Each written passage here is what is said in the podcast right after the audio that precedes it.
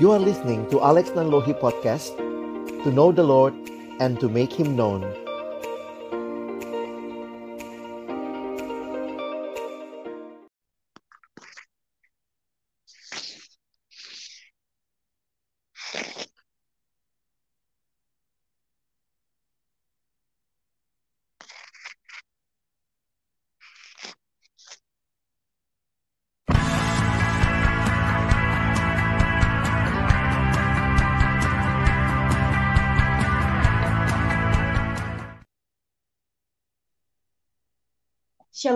selamat malam rekan-rekan yang terkasih.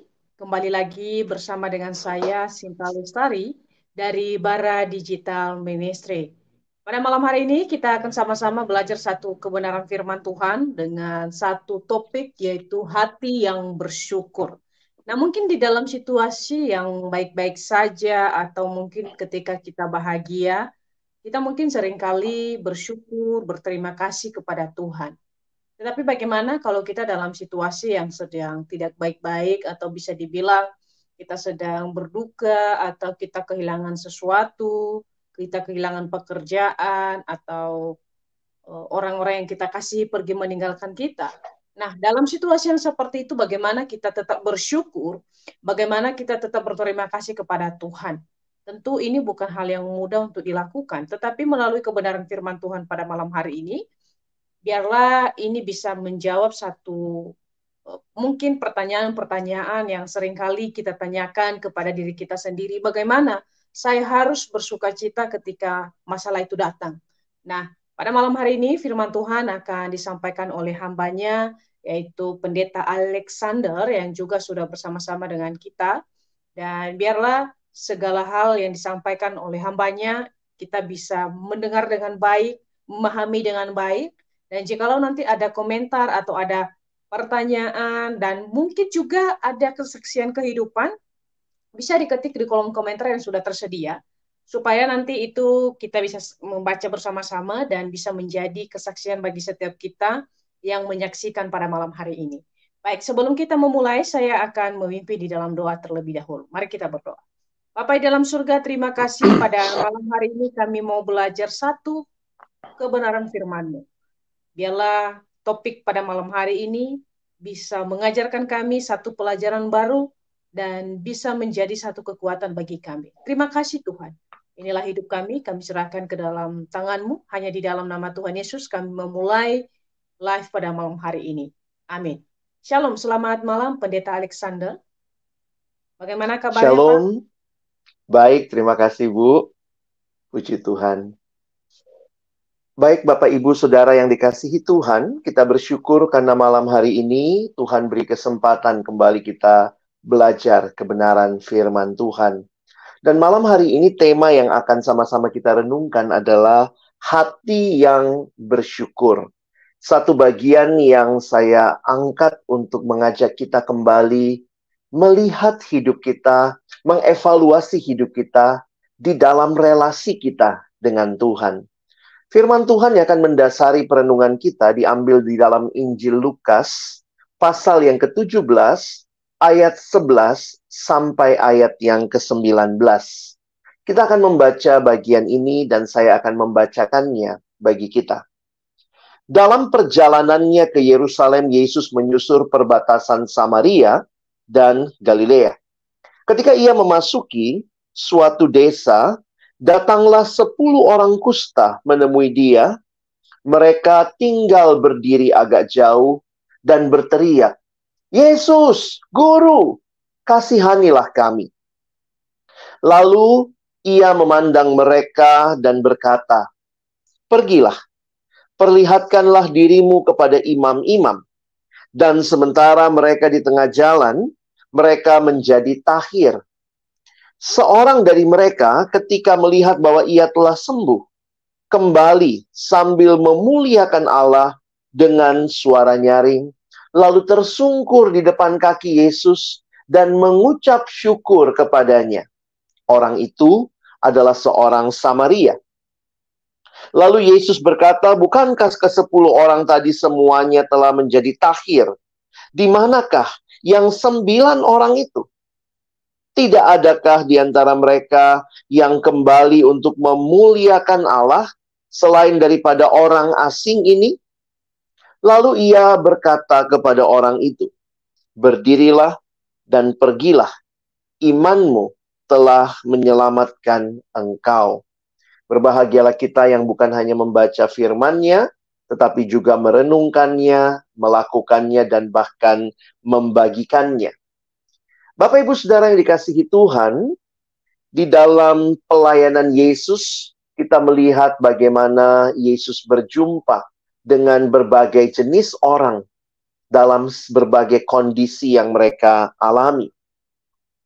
Cerita yang baru saja kita baca di dalam kitab Injil ini menjadi sebuah kisah yang menarik untuk kita pikirkan bersama-sama. Dalam perjalanan yang Yesus sedang lakukan menuju ke Yerusalem, maka dia menyusur perbatasan Samaria dan Galilea. Dan kalau kita memperhatikan di dalam waktu itu, tentunya Tuhan Yesus semakin populer. Semakin banyak orang yang mengenal dia semakin banyak orang juga yang berharap, khususnya ketika mereka mendengar bahwa Yesus bisa melakukan kesembuhan dan juga mereka pernah dan mungkin sudah alami pada waktu itu. Tidak heran dalam perjalanan ini, ketika Yesus akan melintas, ada orang-orang yang berpenyakit kusta, yang waktu itu mendengar tentunya Yesus akan lewat di tempat mereka, dan kemudian mereka datang untuk menjumpai Yesus. Itulah yang kita baca di dalam ayat yang ke-12. Ketika Yesus memasuki suatu desa, datanglah sepuluh orang kusta menemui dia. Bapak Ibu Saudara yang dikasihi Tuhan, pada masa Alkitab di masa Yesus pada waktu itu, orang yang menderita kusta itu dianggap najis dan dikucilkan dari masyarakat. Mereka tidak diizinkan untuk tinggal di dalam kota dan harus tinggal di tempat-tempat terpencil atau di luar kota. Karena menurut hukum Musa yang akan kita baca nanti dalam kitab Imamat, bahkan mereka punya dress code Bapak Ibu sekalian ya.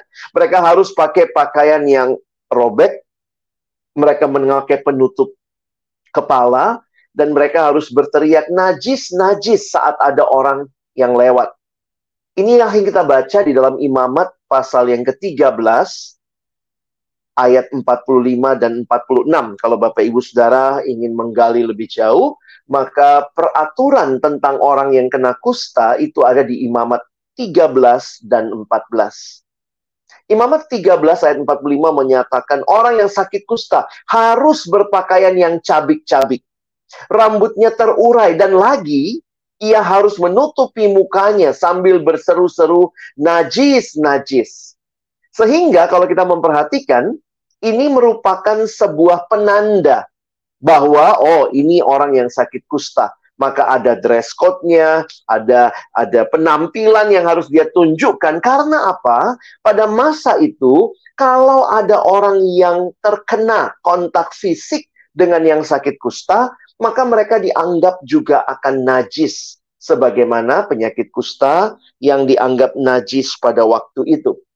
Dan perhatikan ayat 46. Selama ia kena penyakit itu, ia tetap najis. Memang ia najis, ia harus tinggal terasing. Di luar perkemahan itulah tempat kediamannya. Sehingga kalau kita memperhatikan bahwa pada masa itu orang yang terkena kusta ini bukan hanya penyakit secara fisik yang mereka alami, tetapi mereka harus terasing dari hidup keagamaan. Mereka tidak bisa beribadah kepada Allah, mereka terasing dari hidup sosial karena harus tinggal di luar perkemahan, tidak boleh kontak fisik dengan orang lain. Bahkan mereka harus memberikan tanda supaya orang-orang yang berjumpa dengan mereka tidak kemudian menyentuh mereka. Mereka harus pakai baju yang compang-camping, cabik-cabik, rambut yang terurai, dan berseru-seru najis-najis.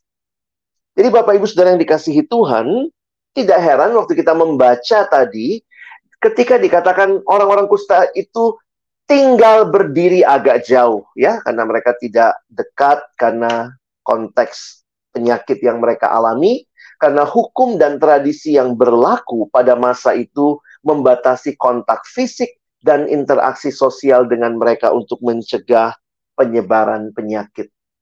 Kalau Bapak Ibu tertarik untuk menggali lebih jauh tentang kusta, di belakang Alkitab kita, khususnya saya mengambil dari terjemahan baru yang kedua, perjanjian baru di kamus Alkitab, ada tulisan tentang penyakit kulit. Yang ini menggambarkan apa yang dialami. Memang dalam terjemahan yang baru, istilah yang dipakai bukan lagi kusta, tetapi penyakit kulit. Mengapa? Karena kalau Bapak Ibu perhatikan, jenis yang dialami berdasarkan imamat 13 dan 14 itu tidak hanya kusta dalam pengertian kita saat ini, tetapi juga ada beberapa jenis penyakit kulit yang tergolong di dalam penyakit yang di dalam terjemahan yang lama dikatakan sebagai penyakit kusta. Nah, Bapak Ibu Saudara yang dikasihi Tuhan, pada masa itu yang menderita penyakit ini juga dianggap sebagai bagian dari ketidakkudusan agama. Karena itu, untuk menyatakan apakah orang itu sudah tahir atau tidak, sembuh atau tidak, maka bukan dokter yang mengeluarkan rekomendasi, tetapi mereka harus mendatangi imam. Maka itu kita melihat bagaimana Yesus menyuruh juga mereka kepada imam untuk memastikan dan menyatakan apakah mereka sudah sembuh atau tidak. Nah, apa yang menarik jika kita perhatikan dalam situasi ini? Ketika akhirnya Yesus mengungkapkan bahwa satu-satunya orang yang kembali untuk mengucapkan syukur adalah seorang Samaria. Tentu ini cukup mengejutkan bagi orang-orang Yahudi yang mendengar pada waktu itu, karena hal ini menunjukkan bahwa kasih dan belas kasihan Tuhan tidak dibatasi oleh etnis, ras, atau status sosial. Kita perlu memahami sebenarnya bagaimana konteks relasi orang Yahudi dan orang Samaria pada waktu itu. Kalau saudara memperhatikan di kamus Alkitab kembali dituliskan di Perjanjian Lama istilah Samaria itu menunjuk kepada ibu kota kerajaan Israel Utara. Tetapi juga perhatikan di dalam Perjanjian Baru Samaria adalah daerah di antara Galilea dan Yudea dan penduduknya orang Samaria ini bermusuhan dengan orang Yahudi karena mereka memiliki perbedaan agama dan kebiasaan. Karena itu, mereka tidak mau berhubungan dengan orang Yahudi maupun orang Samaria, mereka tidak berhubungan satu sama lain. Tetapi orang ini yang terkena kusta, yang sebenarnya Yesus katakan bangsa asing, orang yang asing, tetapi terlihat betul bagaimana ketika dia mengalami kebaikan Allah, dia kembali datang dan Alkitab mencatat tadi dengan suara nyaring. Dia berseru memuliakan Allah. Kalau teman-teman, Bapak Ibu Saudara memperhatikan, kesembuhan itu terjadinya di mana?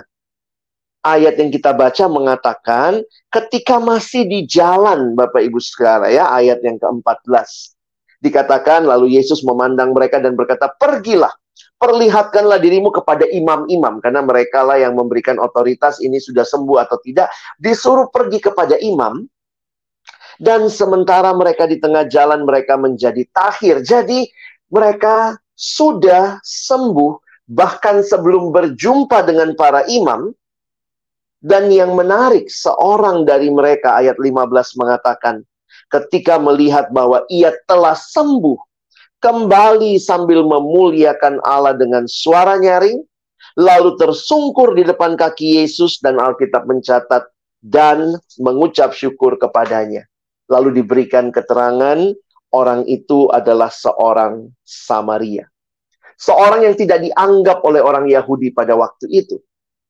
Tetapi ini menjadi pelajaran yang menarik bagi kita. Kisah ini mengajarkan kita bahwa orang yang sering kali dianggap rendah, yang dijauhkan oleh masyarakat, bisa jadi mereka adalah orang yang paling bersyukur dan menghargai anugerah Tuhan. Jadi Bapak Ibu Saudara yang dikasihi Tuhan, ada begitu banyak kebaikan yang tentunya Tuhan sudah lakukan dalam hidup kita. Entah kita menyadarinya atau tidak.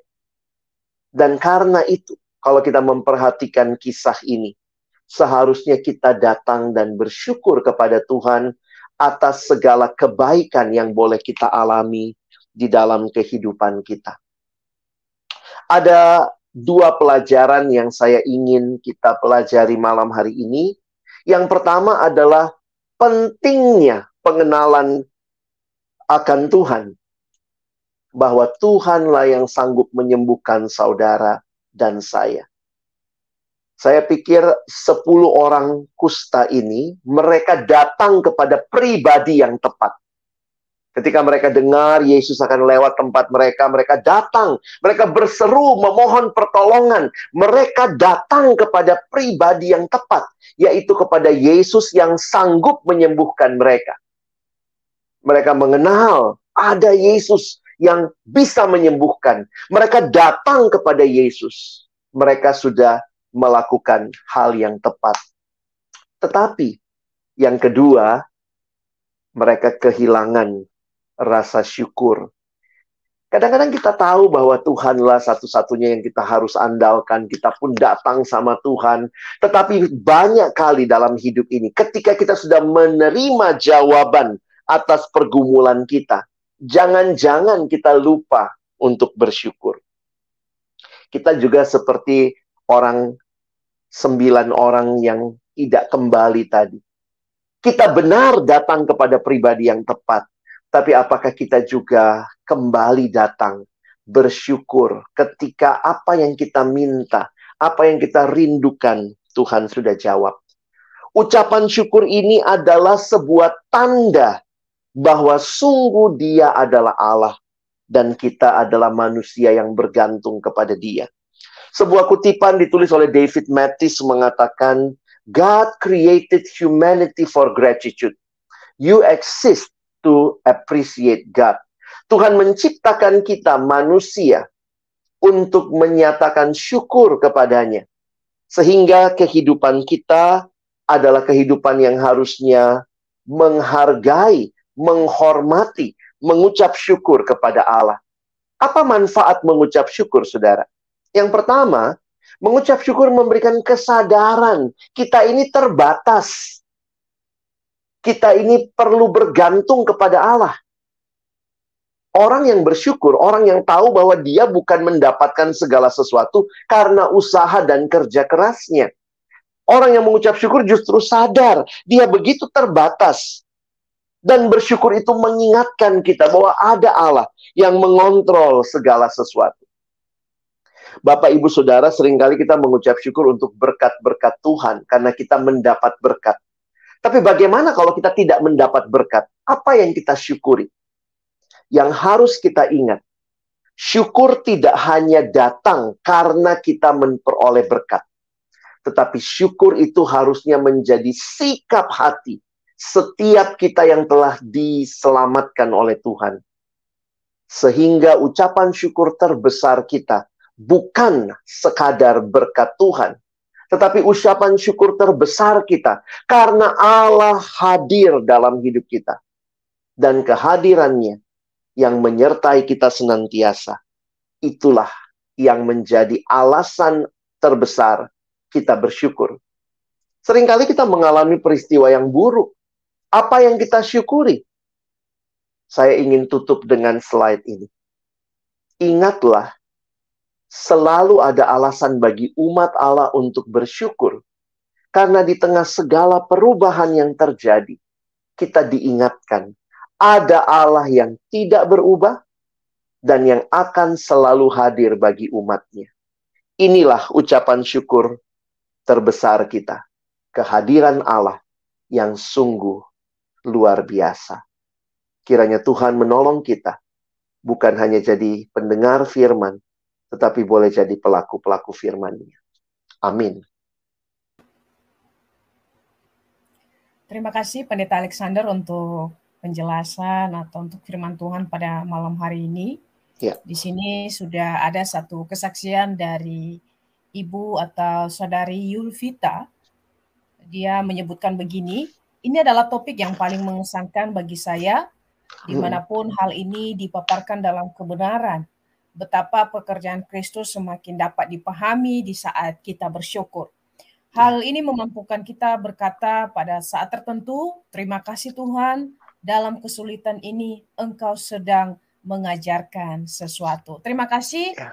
eh, Ibu atau Saudari Yulvita yang sudah memberikan satu kesaksian yang luar biasa dan kita langsung saja di dalam pertanyaan pada malam hari ini. Ya. Pada Alexander begini, uh, apa sebenarnya yang menyebabkan seseorang itu kadang-kadang lupa bersyukur kepada Tuhan? Mm -mm. Padahal uh, firman Tuhan sering kali mengatakan supaya kita tetap senantiasa bersyukur kepada Tuhan. Tetapi apakah bisa mm. dikatakan ketika seseorang itu tidak mengucap syukur, dia sengaja melupakan atau mungkin karena karena kesibukan atau ada hal yang ada hal yang lain. Menurut Pendeta Alexander, kira-kira apa yang menyebabkan seseorang terkadang lupa atau tidak bersyukur kepada Tuhan? Iya, tentunya ini banyak kemungkinan jawaban ya, karena kita tidak bisa mengeneralisasi seperti kisah yang kita baca, sebenarnya apa sih yang jadi alasan mereka kok nggak balik begitu ya? Karena mereka semua di, dinyatakan telah disembuhkan. Nah, e, secara sederhana saya harus katakan kita ini memang makhluk yang gampang lupa. Manusia ini makhluk yang gampang lupa. Makhluk yang merasa tanpa kita sadari, apalagi setelah jatuh dalam dosa, ini membuat apa yang sebenarnya harusnya kita katakan syukur kepada Allah, kita merasa kita pantas mendapat itu. Sehingga tidak heran, sejak kecil lah, ini secara sederhana saja Bu. Sejak kecil kita waktu masih anak-anak sudah diajarkan ya nanti kalau misalnya uh, pas Natalan atau ada orang yang ngasih kasih coklat misalnya uh, orang tua akan bilang sama anaknya ayo ayo jangan lupa bilang apa? Bilang terima kasih. Nah ini menunjukkan kepada kita betapa sulitnya kita merasakan atau menyadarkan diri kita terus-menerus bahwa sebenarnya itu bukan sesuatu yang sebenarnya kita hak berhak dapatkan, tapi itu sesuatu yang diberikan kepada kita. Dan bagi saya di sini justru menunjukkan bahwa uh, kita manusia yang mungkin merasa bahwa ya sudah memang uh, itu tugasnya Tuhan kok memberkati saya ya sudah berkati saya lah. Kalau saya dapat berkat ya sudah saya menikmati itu. Saya jadi melupakan bahwa sebenarnya Tuhanlah sumber segalanya. Makanya saya katakan tadi ya, kalau kita mengucap syukur, manfaatnya itu sebenarnya mengingatkan diri kita, saya bukan bukan apa-apa, tapi Tuhanlah segalanya. Nah, saya pernah diajarkan oleh seorang kakak rohani, jadi dia mengingatkan setiap kali kamu berhasil, apa yang kamu ingat?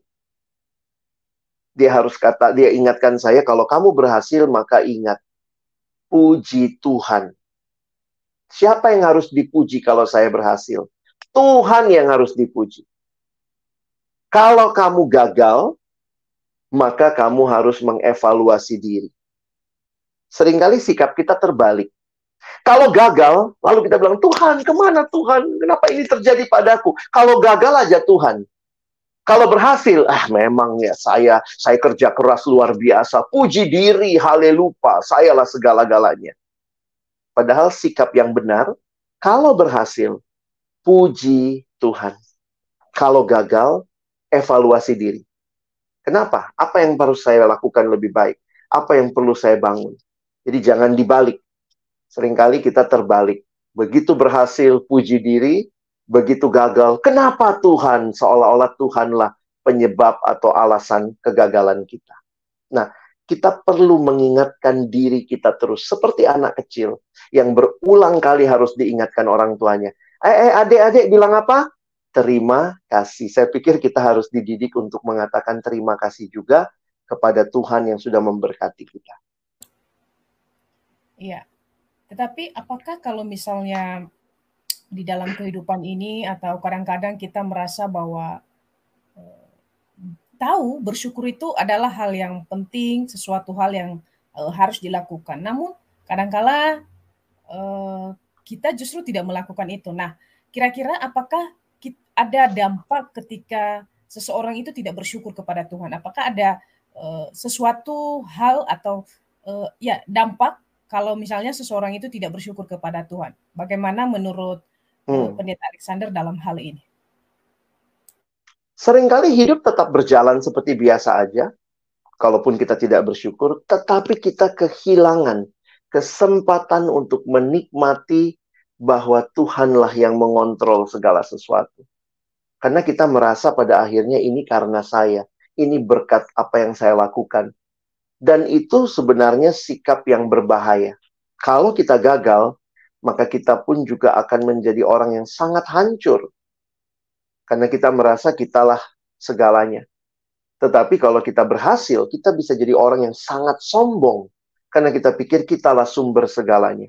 Nah, di sini saya pikir kita kehilangan apa yang menjadi kehidupan Kristen yang sesungguhnya, kehidupan yang menikmati anugerah Allah, dan di dalamnya kita bisa bersyukur kepada Tuhan. Kalaupun kita gagal, kita diingatkan kita bukan kegagalan bukanlah akhir segalanya. Kita bisa bangkit lagi.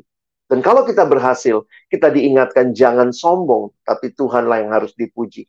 Jadi mungkin secara umum tidak kelihatan perbedaannya, bahkan yang tidak bersyukur baik-baik saja. Tetapi itu akan teruji ketika kita gagal atau berhasil. Di situ akan teruji sebenarnya orang yang tidak terbiasa bersyukur. Dia akan hancur sehancur-hancurnya, atau dia akan sombong sesombong-sombongnya. Baik, terima kasih Pendeta ya. Alexander ya. untuk penjelasannya ya.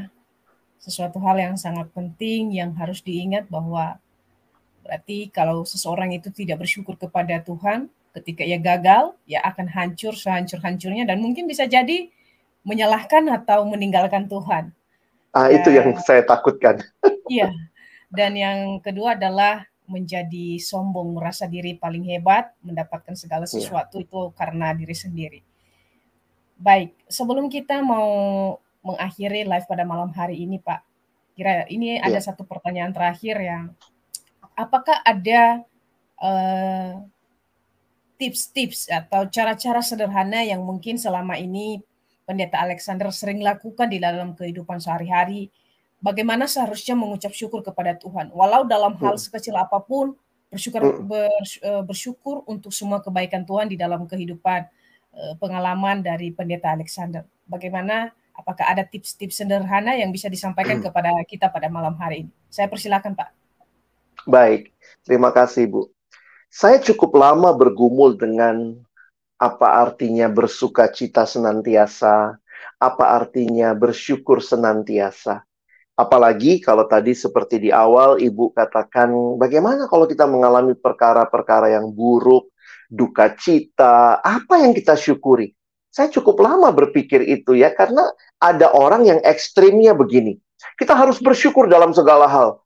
Lalu kemudian ketika misalnya ya ada anggota keluarga kita yang meninggal, apakah kita bersyukur? Atau kalau kita mau bersyukur, apanya yang disyukuri? Masa kita, oh syukur dia mati gitu, syukur dia meninggal, oh syukur dia sakit. Saya pikir Alkitab sangat realistis. Tuhan pun tahu pergumulan kita. Karena itu di dalam kitab Mazmur, kita diminta datang kepada Tuhan. Tuhan aku kesakitan. Tuhan aku sulit bersyukur. Tetapi ternyata ketika saya menggumulkan, nah itu kalimat yang saya katakan tadi, ucapan syukur terbesar kita bukan karena berkat Tuhan, sebenarnya itu. Tetapi ucapan syukur terbesar kita adalah karena pribadi Tuhan yang hadir dalam hidup kita. Sehingga jangan salah bersyukur. Dan jangan juga menutup mata atau membuat ucapan syukur itu jadi sesuatu yang bombastis. Pokoknya harus bersyukur. Kalau ada situasi-situasi hidup yang Bapak Ibu Saudara dan saya mungkin sampai hari ini masih katakan Tuhan saya sulit bersyukur. Tiba-tiba kita didiagnosa kena kanker. Apa yang mau disyukuri? Kadang-kadang kita pikir Tuhan sangat sulit ini. Bahkan kita belum bisa mengerti bersyukur. Tetapi ketika Alkitab katakan tetaplah bersyukur, apanya yang disyukuri? Syukurilah kehadiran Tuhan yang tidak pernah meninggalkan kita, bahkan di tengah-tengah situasi sakit penyakit, kanker yang kita bahkan belum bisa terima dan belum bisa belum bisa melihat apa yang sebenarnya Tuhan mau kerjakan. Tapi kita syukuri Tuhan, saya belum bisa paham ini. Tapi yang saya paham dan saya tahu engkau hadir dan menyertai saya. Tuhanlah yang menjadi alasan kita menyatakan syukur kita yang terutama. Nah, jadi tipsnya jangan mengada-ngada mengucap syukurnya, cari-cari ucapan syukur. Kadang-kadang orang Indonesia begitu ya, wah tabrakan dia tapi uh syukur cuma kakinya yang lecet. Syukur kepalanya yang kepalanya aman-aman aja. Kadang-kadang kita kalau jadi seperti itu, jangan-jangan kita jadi membuat semua hal yang bahkan buruk pun kita syukuri. Padahal Tuhan pun juga mengatakan itu salah. Itu nggak benar. Tapi mari belajar melihat bahwa ucapan syukur yang pertama dan terutama adalah karena kehadiran Tuhan. Jadi tipsnya adalah terus setiap hari biasakan latih diri bersyukur kepada Tuhan. Bacalah Mazmur-Mazmur yang sering kali pemazmur katakan, Tuhan aku tidak mengerti mengapa ini aku alami. Tetapi engkau hadir dan itu cukup bagiku. Tuhan adalah gembalaku, takkan kekurangan aku. Jadi biasakan, ini perlu dilatih ya, sama kayak anak kecil ya Bu. Saya pikir tipsnya adalah sederhana. Kalau kita di dalam komunitas saling ingetin, ya, saling ingatkan sama kayak anak kecil. Hari ini dapat coklat, jangan lupa bilang apa? Terima kasih. Besok dikasih coklat lagi, jangan lupa bilang apa? Terima kasih. Orang tua tuh nggak pernah lupa ngingatin karena memang kita pelupa banget. Jadi karena itu nikmatilah hidup dalam komunitas, bersyukur untuk kehadiran Tuhan dan jadilah orang-orang yang saling mengingatkan untuk bersyukur bersama-sama. Kiranya Tuhan menolong kita untuk terus memupuk hati yang bersyukur secara khusus untuk kehadiran Tuhan yang tidak pernah meninggalkan kita. Terima kasih Pendeta Alexander. Ini sesuatu tips yang sangat luar biasa dan sederhana berharap setiap kita yang mendengarkan pada malam hari ini bisa kita terapkan dalam kehidupan kita sehari-hari, terutama kalau kita di dalam keluarga, marilah kita saling mengingatkan untuk kita mengucap syukur kepada Tuhan. Tadi satu pernyataan penting itu adalah alasan utama seseorang itu bersyukur adalah karena merasakan kehadiran Tuhan di dalam hidupnya. Dan ketika kita merasakan itu pasti hati rasa bersyukur itu selalu akan mengingatkan kita untuk kita senantiasa berterima kasih kepada Tuhan dalam segala kebaikan yang dilakukan dalam hidup kita. Baik, sebelum kita mau mengakhiri Pak, apakah ada statement closing yang ingin Bapak sampaikan kepada rekan-rekan para digital ministry dan kemudian nanti memohon memimpin kita di dalam doa penutup pada malam hari ini. Untuk waktunya Baik. saya persilakan. Saya hanya ingin menyatakan bahwa ucapan syukur yang terbesar adalah kehadiran Tuhan, bukan semata-mata berkat Tuhan atau yang kita anggap berkat Tuhan. Karena sering kali kalau Tuhan memberkati, kita bisa bersyukur. Kalau kita merasa kayaknya Tuhan nggak memberkati, kita sulit bersyukur. Tetapi ketika kita tahu dia ada dan tidak meninggalkan kita, maka kehadirannya cukup untuk menyatakan syukur kita. Jadi jangan hanya bersyukur karena berkat Tuhan, tetapi bersyukurlah karena Tuhan pribadinya yang hadir dan menyertai kita. Mari kita berdoa. Bapa di dalam surga, terima kasih karena Engkau hadir dalam hidup kami, tidak meninggalkan kami, bahkan di saat-saat yang begitu sulit sekalipun. Kami sadar Engkau hadir menyertai, menguatkan, menopang kami. Bahkan ketika kami mengalami hal-hal yang mungkin sampai hari ini masih sulit kami terima, masih sulit kami pahami, karena keterbatasan kami. Tetapi di dalam iman kami percaya, tidak ada hal yang kebetulan, Tuhan merancangkan yang terbaik bagi setiap kami anak-anakmu. Karena itulah Tuhan ucapan syukur terbesar kami adalah karena Engkau Allah yang baik, Engkau Allah yang Maha Tahu, Engkau Allah yang Maha Kuasa, Engkau hadir menopang hidup kami. Biarlah kami semua boleh menjadi pribadi-pribadi yang terus bersyukur, terus mengingatkan diri kami bersyukur, terus mengingatkan secara khusus orang-orang yang di dekat kami, keluarga kami untuk terus bersyukur, menjadi komunitas yang menaikkan syukur karena kehadiran dan berkat Tuhan yang kami sadari, yang kami alami. Bahkan ketika tidak ada berkat yang kami pahami, kami tetap bisa bersyukur karena Engkau hadir. Dan di dalam semua hal itu, Tuhan sedang mengajarkan kami untuk terus bergantung kepadamu. Sehingga kami tidak menjadi orang yang sombong atau menjadi orang yang hancur karena kami berpusat kepada Kristus bukan kepada diri kami. Sekali lagi terima kasih malam hari ini buat siaran ini. Terima kasih untuk Bara Digital Ministry, untuk Ibu Sinta dan kawan-kawan yang terus bekerja keras, melayani untuk boleh menjadi berkat bagi banyak orang kerinduan kami. Tuhan berkati pelayanan ini, berkati kami semua yang boleh menikmati firman-Mu untuk terus hidup dan bertumbuh di dalam Engkau. Kami menutup siaran malam hari ini. Dalam nama Yesus kami berdoa, kami bersyukur. Amin. Sekali lagi, kami dari Bara Digital Ministry mengucapkan terima kasih kepada Pendeta Alexander yang sudah melayani kebenaran firman Tuhan pada malam hari ini. Dan tidak lupa juga kami mengucapkan terima kasih kepada rekan-rekan Bara Digital Ministry yang sudah memberikan kesaksian dan bahkan yang senantiasa mendukung pelayanan Bara Digital Ministry. Baik itu dengan cara mendoakan atau mungkin membagikan akun-akun Bara Digital Ministry.